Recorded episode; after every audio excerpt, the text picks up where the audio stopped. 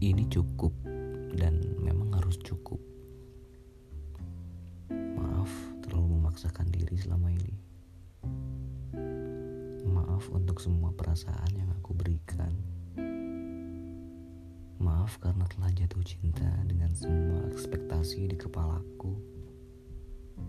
Maaf karena terlalu mengharapkanmu begitu dalam. Mencintaimu membuatku sadar bahwa fantasiku merusak kehidupan nyata yang seharusnya ku jalani.